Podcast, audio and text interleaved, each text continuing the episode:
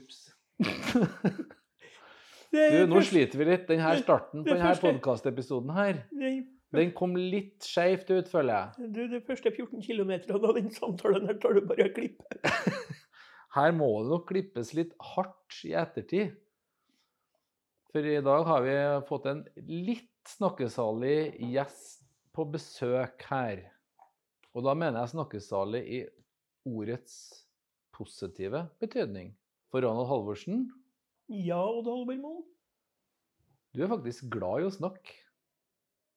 På radio. Har jeg, du, du, du er jo altså Jeg har tenkt på det lenge. Du må jo bli med her og snakke på podkast Gatepratpodden vår. Du vet at når man har vært radiomedarbeider, så pleier jeg å si det på en litt annen måte. Putter du på meg en tiøre, så prater jeg for 1000 kroner. Det akkurat det. Så denne episoden den kan jo fort bli lang. Men jeg, det jeg skal si nå, det er litt viktig for meg å få sagt. For jeg er veldig takknemlig for at du er her, Ronald.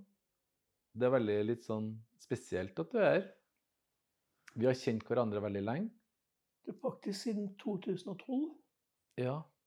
Vi har jo opplevd veldig mye sammen. Vi har vært tilknytta denne Vår Frue åpen kirke gjennom skulle du si, tykt og tynt og stormer og stille og opp og ned og fram og tilbake. Og Livets mange eh, tilskikkelser. Det er riktig, det. Og her sitter vi. Mm, Og det er rett og slett sånn at jeg har lyst til å prate med folk som på en eller annen måte har tilknytning til Vår Frue kirke, den her åpne kirka som står midt i Trondheim by. Det har jo du òg. Jeg begynte jo så frivillig i 2012. Men jeg var jo gjest et år før det. Fra august eh, 2011 til juni 2012. Og siden har jeg vært her. Ja, for Husker du tilbake på hva som, hva, hva det som førte dine, hva det som førte deg hit i retning, retning hit? Det går tilbake til det året da Åpen kirke åpna, i 2007. Mm. Uh, april 2007 så mista jeg et uh, nært familiemedlem. Mm. Og trodde det skulle gå bra. Mm. Og det gjorde jo det på et vis, men etter hvert så begynte det å gå sakte, men sikkert nedover. Mm. Så etter fire år, da, Mm. i august 2011, så tok jeg turen innom eh, Frukirka seint en fredagskveld. Mm. Det var noen få gjester i kirka. Mm. Men uh, uansett så følte jeg meg godt mottatt og har vært her siden. Hvis du ved noen ord skulle beskrive hva det rom, altså hva denne kirka da har uh, betydd Det er vanskelig å trekke fram noe eksempel.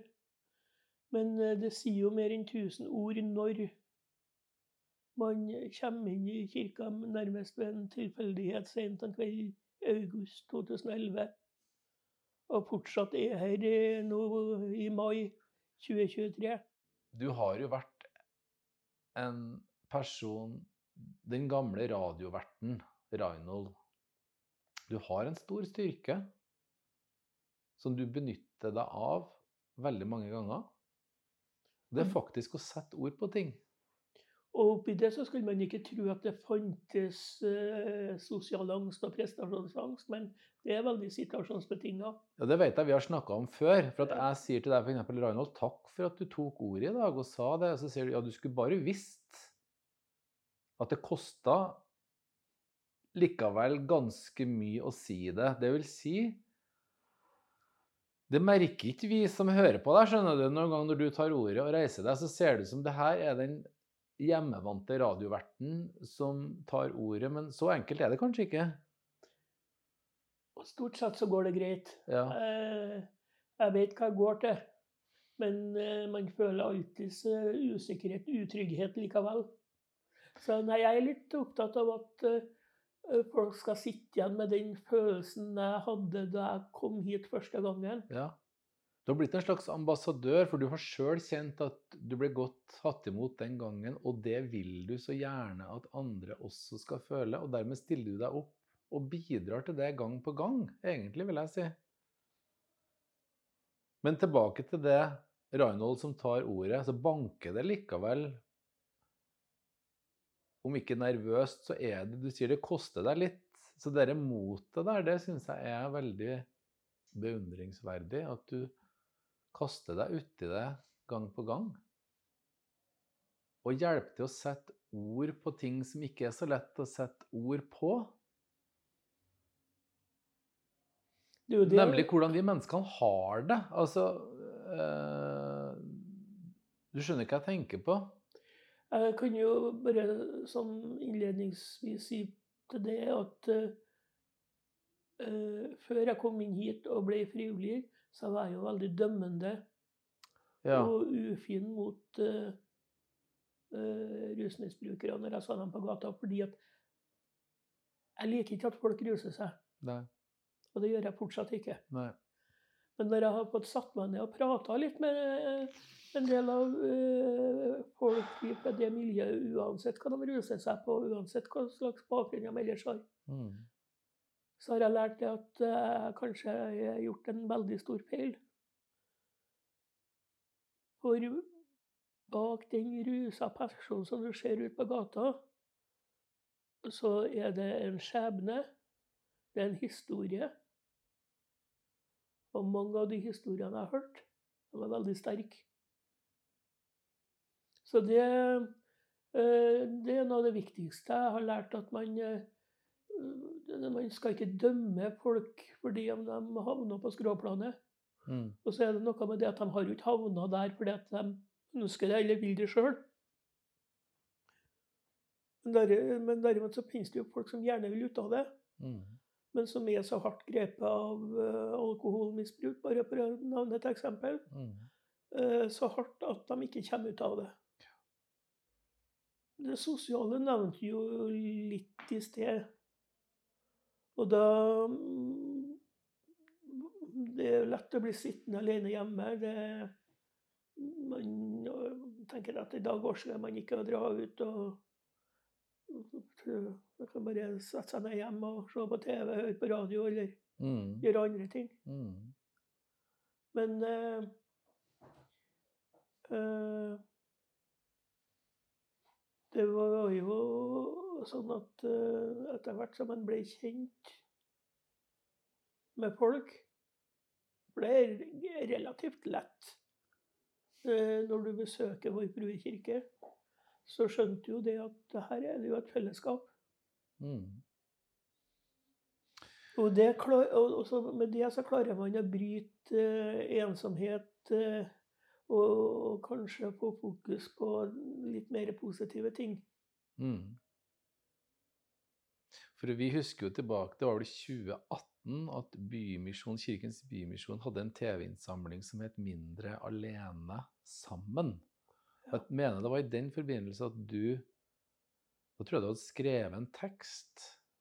Uh, og du har jo vært på forskjellige Det er jo ikke alle som hører på det her, som har vært på åpen mikrofon. Men, men når jeg snakker med deg, så er det liksom vanskelig å ikke nevne det arrangementet. For det har du benytta deg ofte av. Og du har tatt den mikrofonen med stemmen din og med de ordene du kan å formulere vi har vel prøvd oss på en eller annen sangtekst, da, men det har vel kanskje ikke vært like vellykka. Vi har til og med spilt trekkspill og diverse andre ting og tang på åpen mikrofon. Skal vel ikke si høyt at det var prestens trekkspill jeg stjal på det ene arrangementet. Nei, jeg skal ikke nevne det til henne. men, men, det som jeg setter pris på, det var at du har brukt den mikrofonen ikke bare til å adressere musikalske ting, men du brukte den også til å prøve å si noe om denne utfordringen som du akkurat beskrev, da, det at vi så lett blir sittende hjem, vi kan så lett bli isolert av ulike årsaker.